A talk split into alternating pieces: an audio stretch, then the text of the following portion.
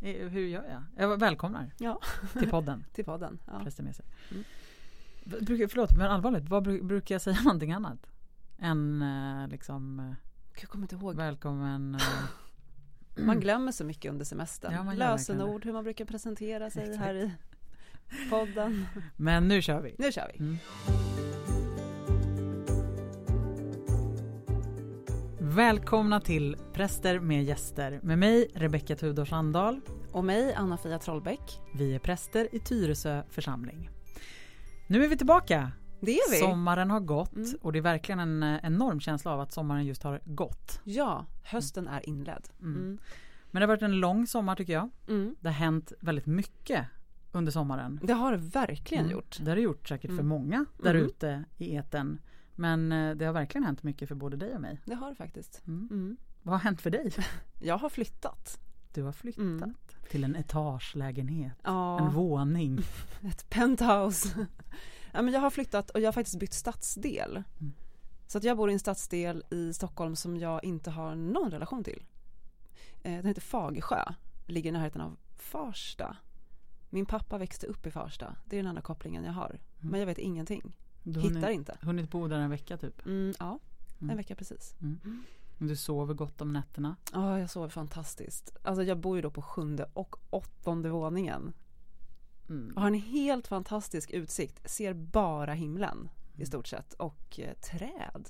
Vattentorn. Vad ska boktiteln heta om ditt liv på sjunde och åttonde våningen? Ja, den ska ju inte heta Uppe bland molnen. Det låter ju astöntigt.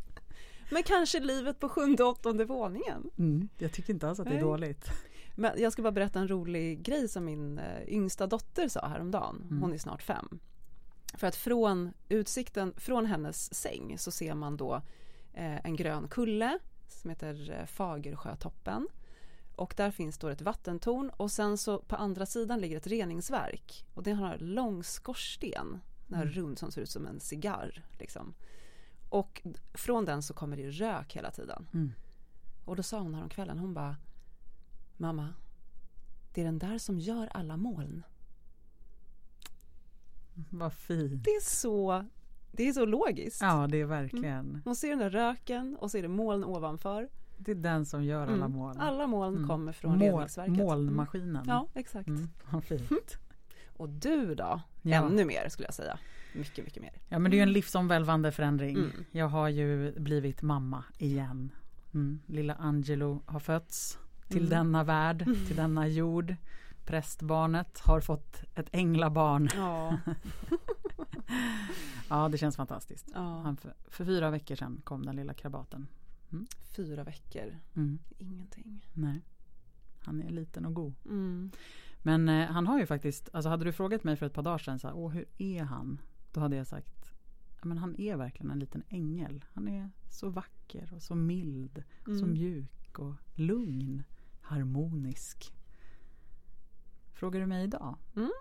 så kan jag berätta för dig att igår var han ett monster. Alltså, Alltså det måste ju vara så att det händer något vid fyra veckor alltså. Han Jo, skrek nästan oupphörligt och då tänkte jag så här, alltså får jag ett barn med kolik, då tror jag att jag måste skriva in mig på psyket. mm. Det behöver ju verkligen inte vara det. Nej, jag tror inte att det är Nej. det. Jag tror verkligen inte att det är kolik. Många överdriver ju. Ja. Så fort de börjar skrika så här länge, typ under något dygn, så tror man att det är kolik. Ja, nej men det, jag tror inte det. Men jag har stor respekt för de föräldrar som har, har eller har haft barn med kolik. Mm. Men han är en välsignelse. Ja, Mm. det är klart. Jag är så lycklig Mm. för det förstås. De ska gå igenom saker, knorvel i magen och Ja. allt sånt. Ja. Mm. Det är mycket. En stor förändring framförallt Ja. för honom kan man säga. Ja, precis. Att komma ut i det här Ja, jordelivet. verkligen. Mm. Från moderliv till jordeliv. Ja. Mm. Ja, Ja, nej men så det var sommaren. det var sommaren, kort och gott. Stora förändringar för oss. Mm. Eh, vårt sista avsnitt, eller vårt senaste avsnitt, det handlade ju om avslutning.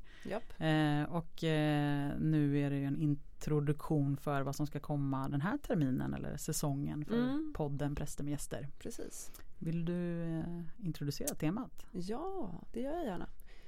Vi hade ju ett, avsnitt eh, i slutet på förra säsongen. Där vi, det var ju du och jag och Ellen som hade berättelsen som gäst. Mm. Eh, och när vi funderade på vad vi, vi vill ändå ha ett tema för den här terminen också, eller säsongen.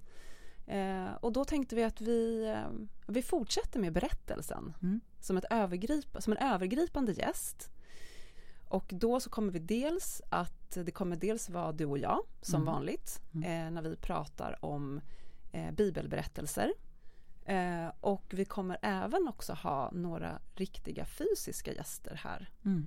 Ehm, Det är så att någonting som utmärker vårt arbete som präster är att vi inte bara arbetar med utan vi också lever med och är omgivna av berättelser.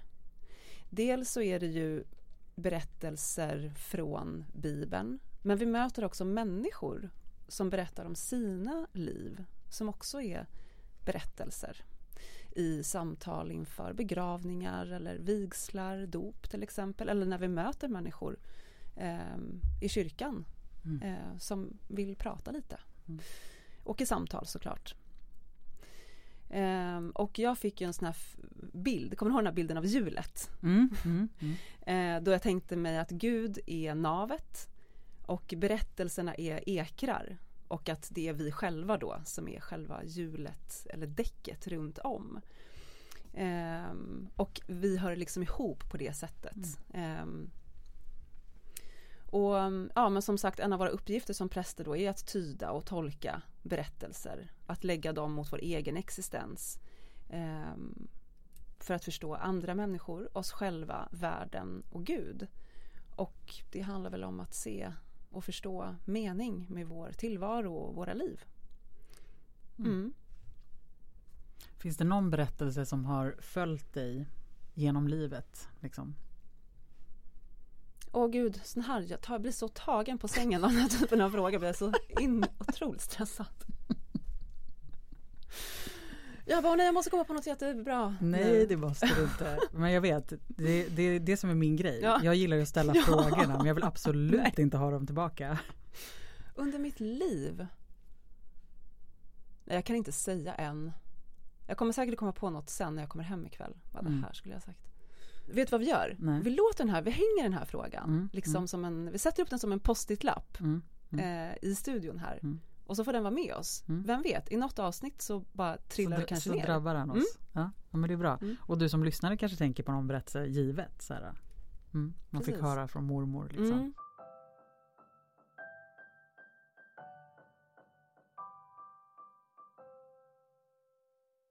Sommaren är ju verkligen en tid då också många tar till sig berättelser eller läser böcker. Mm. Eh, Det är ju verkligen en så här säsong för böckerna. Precis. Mm. Semestern. Semester, sommarläsningen Mm. och så. Har du läst mycket i sommar? Men alltså till min stora besvikelse och sorg, inte så mycket som jag hade önskat. Mm. Men du har ju Ehm. också stått inför en stor flytt och det har varit mycket annat. Ja, det har det. Mm. Eh, Men jag har dock läst Mm. ändå. Jag har läst ut en bok. Mm. Och sen så har jag, in, jag har lä- börjat läsa en annan också som jag inte har läst ut än. Låt mig gissa, är det Knausgård du har läst? Nej, det är det faktiskt inte. Nej, har du läst då? Eh, nej, men jag har faktiskt läst eh, De fattiga i Lorst. Mm. Säger man Lorst? Mm. Ja, jag är lite osäker på uttalet. Mm. Den har jag läst. Och när jag läste den så tänkte jag så här att jag tycker att det hör till vår medmänskliga plikt att då och då läsa om förintelsen. Mm. Alltså det är en otroligt tung bok. Det handlar då om gettot i Lorst. Mm. Ehm, och han fick ju Steve Sandberg som eh, skrev boken, han fick också Augustpriset för den 2009. Ehm, men ja, Varför tycker du att det är en eh, medmänsklig plikt? därför att den att läsa om vad vi människor kan göra mot varandra Mm. på det liksom det är ju på det mest fasansfulla olika sätt. Mm.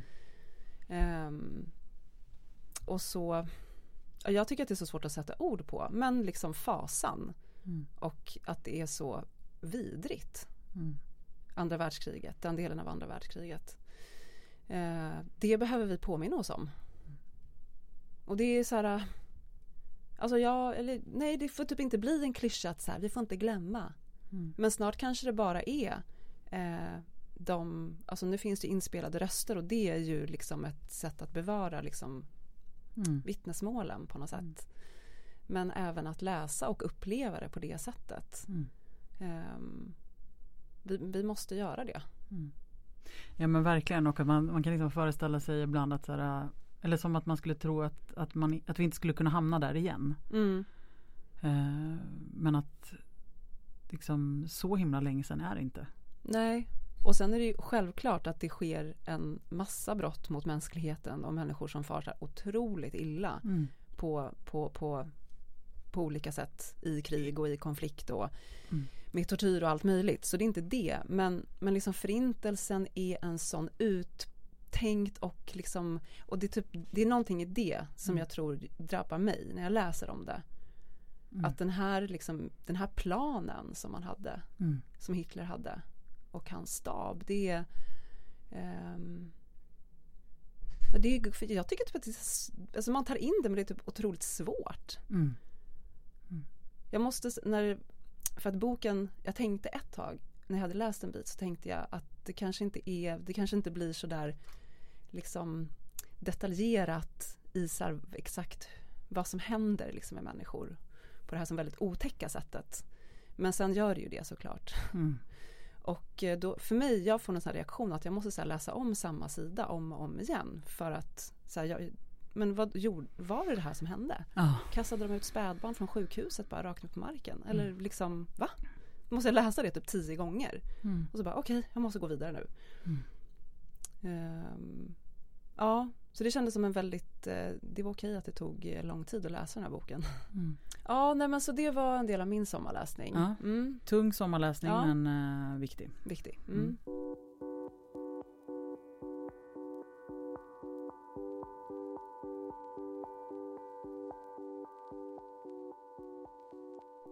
Har jag läst någonting Ja, då? vad har du läst i sommar? eh, ja men eh, jag har ju förberett mig inför förlossningen. Mm. Eh, så att jag har läst eh, en del förlossningslitteratur. Mm, en mm. del. Mm. Ja, mm. en del. Eh, framförallt så har jag läst den här eh, Att föda utan rädsla. Mm. Av Susanna Heli. Precis. Och blev väldigt berörd över hur mycket den metoden, eh, hur det faktiskt funkade i praktiken sen när förlossningen ägde rum det var jättehäftigt. Och det var också en av de få grejer, eller så här, man går en kurs, för det gjorde vi också, gick mm. den här kursen i att föda utan rädsla. Man går en kurs och man får med sig verktyg och liksom allt så här. Men, men att sen i praktiken känna att jag faktiskt kan använda mig av de här verktygen på riktigt. Mm. Det vet inte jag riktigt när jag sist liksom erfor att jag har haft en så stor nytta av en kurs och av en bok. Att det är så här, att jag verkligen har fått liksom, mm. hjälpmedel som funkar. Ja men det är häftigt på det sättet. Hon har verkligen, för jag har också använt mig av den, alltså när jag själv har fött barn. Ja. eh, och på samma sätt, det har blivit så, det bara så kommit till mig liksom. Mm. Eh, jätte, så hon är verkligen så här precis på. Mm. Eh, verkligen, mm. spot on. Spot Eh, men det är också, men man kan ju lätt känna sig som liksom medförälder, den som står bredvid, så kan man känna sig lite tafatt liksom. Mm. Att man inte riktigt ja, man känner sig orolig för hur, hur kan jag vara ett bra stöd. Mm. Liksom. Eh, men att då få det här handfasta och att känna att, att så här, jag spelar roll i den här stunden. Jag är jätteviktig i att vara närvarande och liksom eh, ha, vara fysisk med min partner och liksom tung ner. Liksom. Eh, så det kändes supermaffigt. Mm. Eh, och eh, det var en sak som berörde mig lite extra som hände. Eh, det här har jag delat med dig Anna-Fia men jag har inte delat det i podden. Nej. Och det eh, var att under kursen så talade hon om, och det finns väl i boken också, om att det att man vill komma till att säga ja, liksom, som den födande. Att mm. komma till sitt liksom, ja, jag vill. Att inte ha det här motståndet. För det är klart att i smärta och lidande så vill man ju gärna liksom stå emot. Men ja, här... och det är som en sån motsägelse. Ja. Att någonting positivt gör ont. Liksom. Men här är smärtan positiv. Ja, och att mm. verkligen gå med smärtan, mm. att gå med lidandet. Och det är ju en, en, någonting som jag tänker man kan ta med sig i, i massa olika av livets skeden. Liksom. Mm. Eh, men just att hitta sitt ja, att så här, inte gå emot utan ja. Och under förlossningen, så nu hänger jag ut Matilda, men eh, alla vet ju hur en förlossning går till. Mm. Eh, då så hade hon väldigt ont förstås och var liksom eh, i, i smärtan.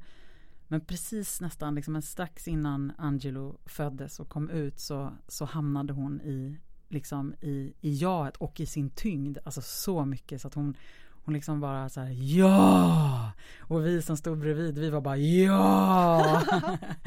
och, så, och så kom han och så kom han. Det var så fantastiskt. Och då tänkte jag väldigt mycket på att hitta sitt ja. Eh, Mm. Att det också är en bild som man kan använda sig av i massa olika skeden i livet där man behöver hitta sin Ja, sitt ja. Jag Ja vill. exakt. jag är redo. Jag tar Man det här steget. Ja, upp, men liksom. precis. Mm. Jag vågar. Jag vågar kliva över. Ja, och där är det så tydligt att liksom, där hjälper ju att det hänger ihop med kro- vad kroppen behöver göra. Mm. Så här, slappna av, öppna upp och så kommer bebisen.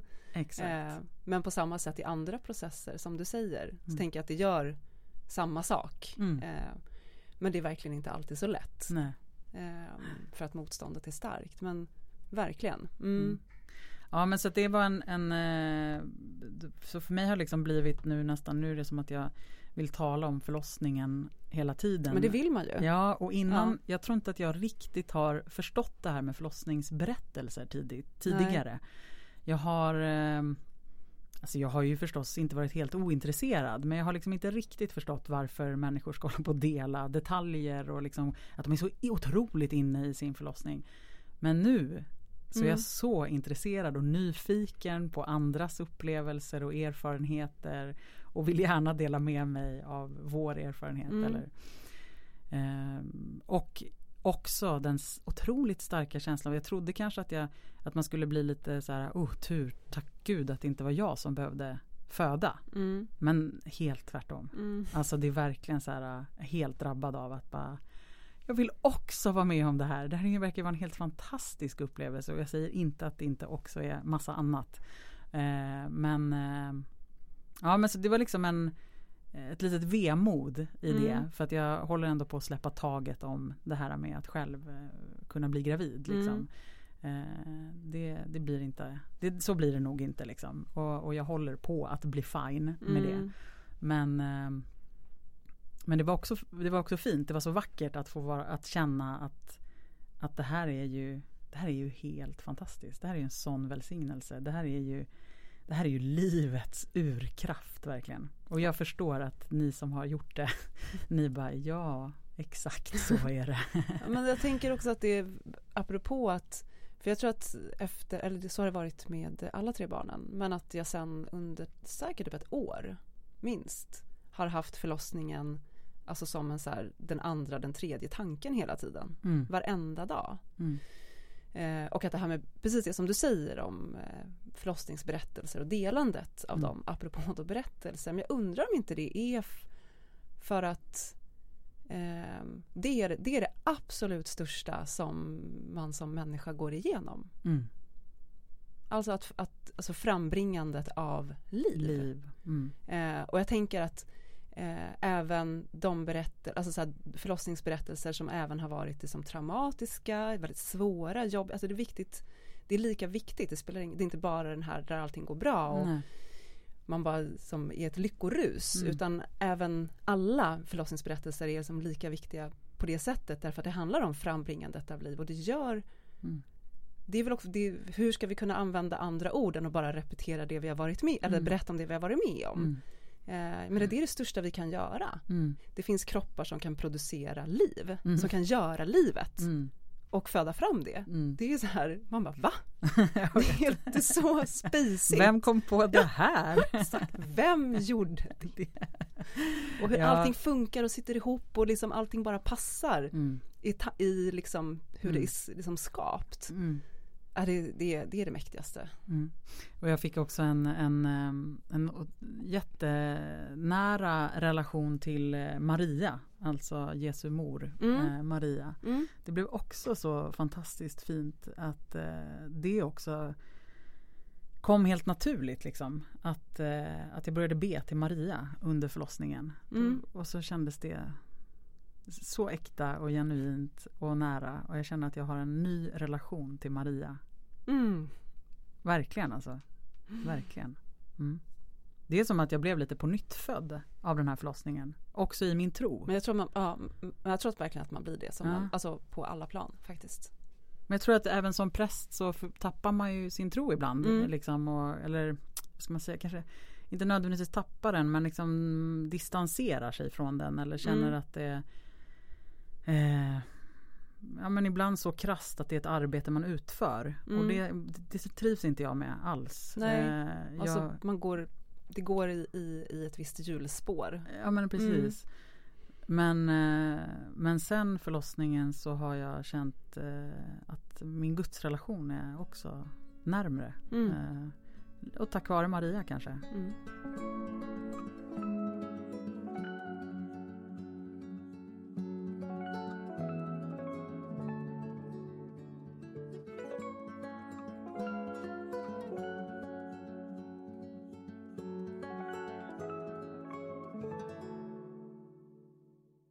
Vad är nästa spår?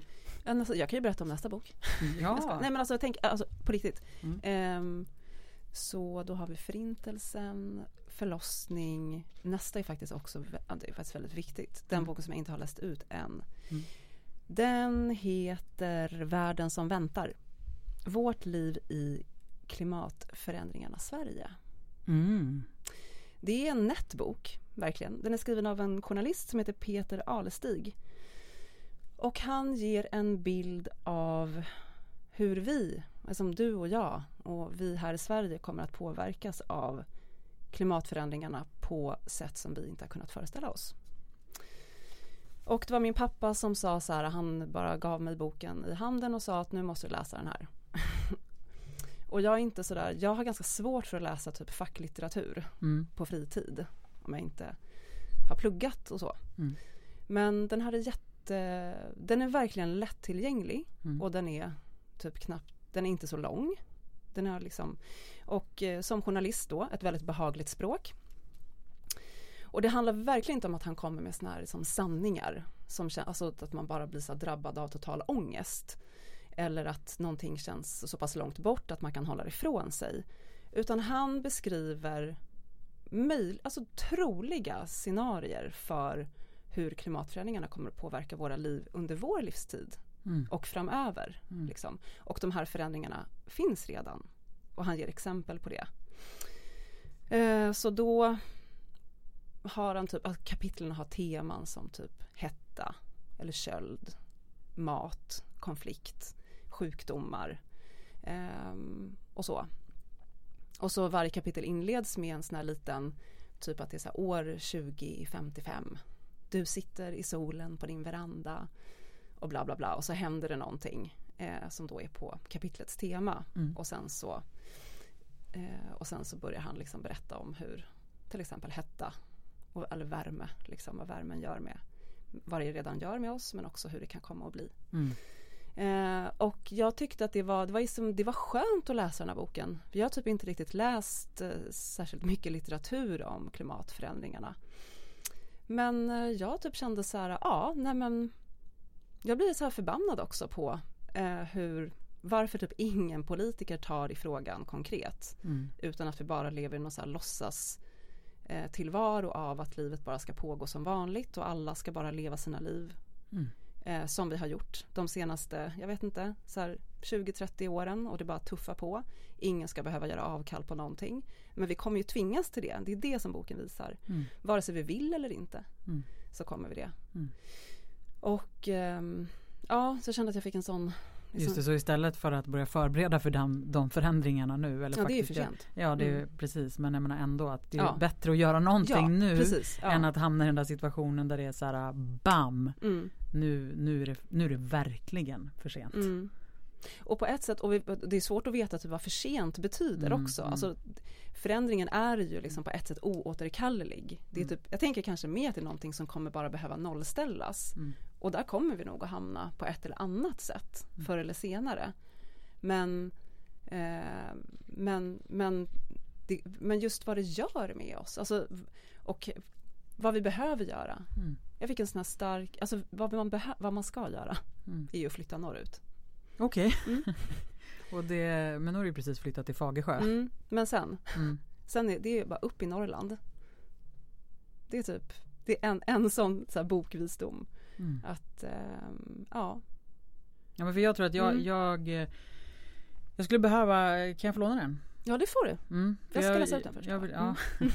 jag behöver läsa, för jag kan känna mig så dum ibland liksom. Mm. Att det inte drabbar mig, hela min själ. Mm. Liksom. Nej, men den har Jag faktiskt gjort det. Också förstått, förstås har jag Mm. förstått allvaret liksom. Men det är ju först när, alltså det är ju ändå så att jag gör massa saker som jag vet att jag inte borde göra. Mm. Eh, och jag tänker att det är först när det verkligen drabbar en i själen. Då gör man inte det där som man vet att man inte ska göra. Nej. Och jag menar den är så pass bra skriven. För att vi var ute en vecka och hyrde ett hus eh, på en ö som heter Mörke utanför Södertälje. Och eh, då låg jag en eftermiddag och läste just i kapitlet om hetta. Så låg jag och läste högt Mm. för Jenny, min tjej. Och då så, jag kunde liksom inte sluta, hon bara fortsätter så här. Så kom barnen, bara vad läser ni? Bara, men jag läser om klimatförändringarna. Då satt de, Mm. och då är det här barn som då är 9 och 10 år gamla. De satt och lyssnade en lång stund. Mm. Och ibland så bara, vad betyder det där? Men de var liksom helt med på, så bara, men vad konstigt att Åh, det där låter jätteläskigt. Så bara, ja, det är jätteläskigt. Så här. Så jag menar, den har verkligen ett, ett medryckande språk. Mm. Säg igen vad den hette. Eh, världen som väntar. Världen den. som väntar. Mm. Mm.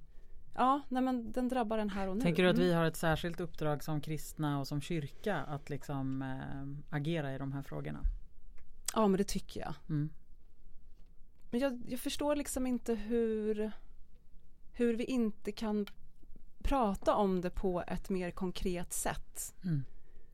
Utan att det bara handlar om att man ska dämpa, så här, vet inte vad det är man försöker dämpa, att människor inte ska kunna handla eller liksom eh, kunna köpa grejer eller inte kunna flyga. Mm. Men mer, och där tänker jag att vi som kyrka verkligen skulle kunna gå i bräschen för att, så här, att bara, vi måste prata om det här. Alltså vi, så här kommer det liksom att se ut och hur överlever vi som samhälle och värld då? Mm. när människor börjar vandra hit. Mm. Jag tror verkligen inte att det är så långt bort. Alltså. Mm. Vi behöver en klimatrevolution. Ja, och där Mm. tänk, ja, jag tycker verkligen att det är en del av vårt uppdrag. Mm. Att liksom, alltså som profetisk röst Mm. där, Mm. inte mm, att kräva det liksom, av våra politiker. Mm.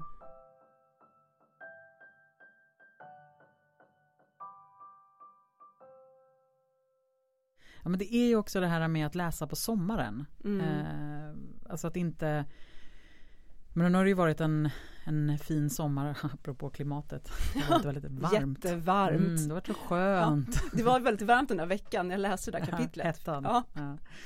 Eh, ja, men det är ju en paradox. Mm. Liksom. Man går runt och njuter så Ja. mycket av att det är så varmt och så egentligen så borde vi förfäras över att det är så varmt. Mm. Förstås.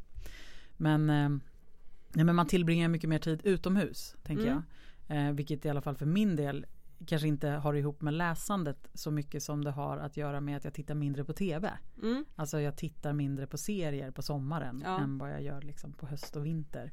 Eh, men det gör också någonting jag som inte, jag har ju försökt mig på det här med att eh, lyssna på ljudböcker och ta till mig berättelser på det viset. Mm. Jag har förstått att det funkar för väldigt många.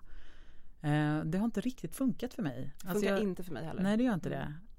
Jag funderar liksom på vad det är. Varför, för som sagt det verkar ju funka för jättemånga. Mm. Eh, och kanske beror det på vad man läser eller på vilket sätt. Jag vet inte. Men, men eh, för mig är det ju någonting med att verkligen hålla i. Jag, jag är noll unik i det här.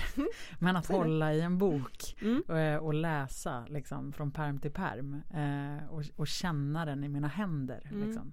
På samma sätt som det är skillnad att skriva för hand och att skriva på en dator. Eh, där tycker jag också att det, det är något helt annat att skriva för hand. Liksom. Jag håller helt med och jag tror dessutom faktiskt att det är att det är av betydelse att läsa, alltså i en fysisk bok. Mm. Inget ont om ljudböcker alls, Mm. men det är något annat. Mm. Och sen, jag vet inte om, ja, vissa säger då att de läser fast de lyssnar. Mm. Jag- man bara, du har Whatever. lyssnat på Ja, en bok. what- men när man läser en fysisk bok, Mm. så tror jag att det verkligen händer någonting. Mm. Alltså, i, alltså apropå det som du själv liksom Mm, säger. mm, Att när jag läser de skrivna orden Mm. så händer det någonting i min tankeprocess. Mm. För att jag är liksom inte passiv. Ehm, utan det är någonting som händer i min hjärna och i min kropp när jag liksom tar till mig de skrivna orden. Mm. Och så tänkte jag att det måste ju påverka vår hjärna. Och sen var jag tvungen att googla för jag tänkte undra om det är så på riktigt. Mm. Eller om det bara jag som Som tror Tänker det. att det är så. Mm, mm. Men jag fick belägg där faktiskt. Mm, för min känsla. Och hittade faktiskt en liten artikel i Forskning och framsteg. Där man har gjort en undersökning i USA. Man har, röntgen, man har hjärnröntgat Mm. då den här gruppen, forskningsgruppen. Eh, och där såg man faktiskt förändringar. Nu ska vi se vad det var för förändringar. Ehm, ja men det gav bestående effekter i den delen av hjärnan som har med känsel och kroppsrörelse att göra. Och det trodde man då berodde på att de studenterna som var med i studien, att de levde sig in kroppsligt i romangestalterna. Mm. Och sen så gör man ju det när man lyssnar. Jag har lyssnat på vissa ljudböcker men då har det varit väldigt specifikt. Mm. Så här, jag lyssnade på alla Wallander-böcker för jag behövde så här, få drömma mig bort en Mm. ganska lång period i tanken när jag Mm. kunde. Mm. Eller typ Sagan om ringen. Mm. Men så fort men, det var, men vissa gånger var jag ju väldigt ofokuserad. Mm. Och då var jag tvungen att spola tillbaka för då hörde jag inget. Nej, Som när man exakt. går tillbaka, det, kan man göra när man läser också. Absolut, plötsligt Eh. inser jag att jag har läst flera sidor. Ja. Jag har ingen aning om vad jag har läst. Vad stod det? Nej men precis, ja, men det, Mm. det kräver ju lite mer av en Mm. att läsa än att lyssna eller att titta på. Mm. Och det tänker jag ändå för, för egen del apropå att läsa under semestern. Alltså att kroppen är i ett annat viloläge. Mm. Och att, att då orkar jag också Alltså min hjärna förmår att ta in mer och jag orkar processa mer för att det händer mindre kanske runt omkring. Ja, det beror ju på hur en semester ser ut men, Ja. eh, men apropå det här med jag vet att jag har delat många gånger att jag orkar ju typ inte efter en, efter en arbetsdag så vill jag liksom bara eh, kolla på några hjärndött Mm. istället på tv. Men alltså vet du vad jag ändå skulle jag, Utmana mig Ja, till. faktiskt. Och nu när vi håller på med berättelsen här under hösten. Mm. Testa Mm. någon gång. Att när du känner så. Mm, Att ändå så här, ja men det spelar ingen roll att jag bara orkar läsa två sidor. mm, Men testa. mm, För att Mm. det där satte jag ju liksom i system. mm, Jag ska försöka ta mig tillbaka dit nu. Eh. För att jag liksom kom ur det innan sommaren. Men, eh, men, mm, men jag ser det som en utmaning för Ja. att jag tror apropå också det här med att inte tappa bort sin tro. mm, Eh, delvis tänker jag att det här kanske hänger ihop lite granna. Mm. Men eh, ja, för att jag, jag vill inte bli förslappad. nej, jag, vill, eh, jag vill ha en eh, jag vill, ha, jag vill leva med en närvaro Mm. och då vill jag inte heller bli, jag vill inte bli förslappad, jag vill inte bli fördummad. Eh, och då, eh, det är lite samma sak som att bön, böneliv kräver disciplin. Mm, Eh, men det gör gott för mig liksom, Mm. att, att leva i det. mm, Och samma sätt tänker jag att, att läsa kräver disciplin. Det kommer alltid vara lättare att slå på tvn och titta på Paradise Hotel. Eh, men, men det kommer inte göra gott för mig. Nej. Men det kommer göra gott för mig om jag Mm. läser de där två sidorna eller som kanske till och med blir tio sidor. Ja men precis och där tror jag verkligen så att närvaron, alltså den kommer. Mm, För att det, där, för att det påverkar den på något i, i den riktningen. Mm. Liksom. mm, Ja, alltså det är ju coolt att det är så. mm. Mm. Så att Mm. ja, anta ja, men- utmaningen. Ja, det ska Mm. jag göra. Jag ska- Vi ska börja avrunda. Ja. Eh, men eh, och någonting som vi inte fördjupade oss i alls nu. Det här var ju vårt uppstartsprogram för den här Mm. säsongen. Men jag tänkte det du sa om eh, vårt liv som präster. Om att vi möter så många människors berättelser. Mm. Det tycker jag är, det är nog alltså någonting som jag verkligen eh, ja, men det kanske vi fördjupar oss i i något annat avsnitt. Jag vet Jag inte. det. Mm. Men eh, Ja men det tycker jag vi ska göra. det är ju Mm. verkligen en, en, en sån nåd att få ta emot så många berättelser. Att människor är så eh, modiga eh, att de släpper in oss i sina Ja. liv Mm. och berättar kanske det allra sköraste för en människa de aldrig har träffat. Mm. Och det får vi ta emot. Det är ju helt fantastiskt.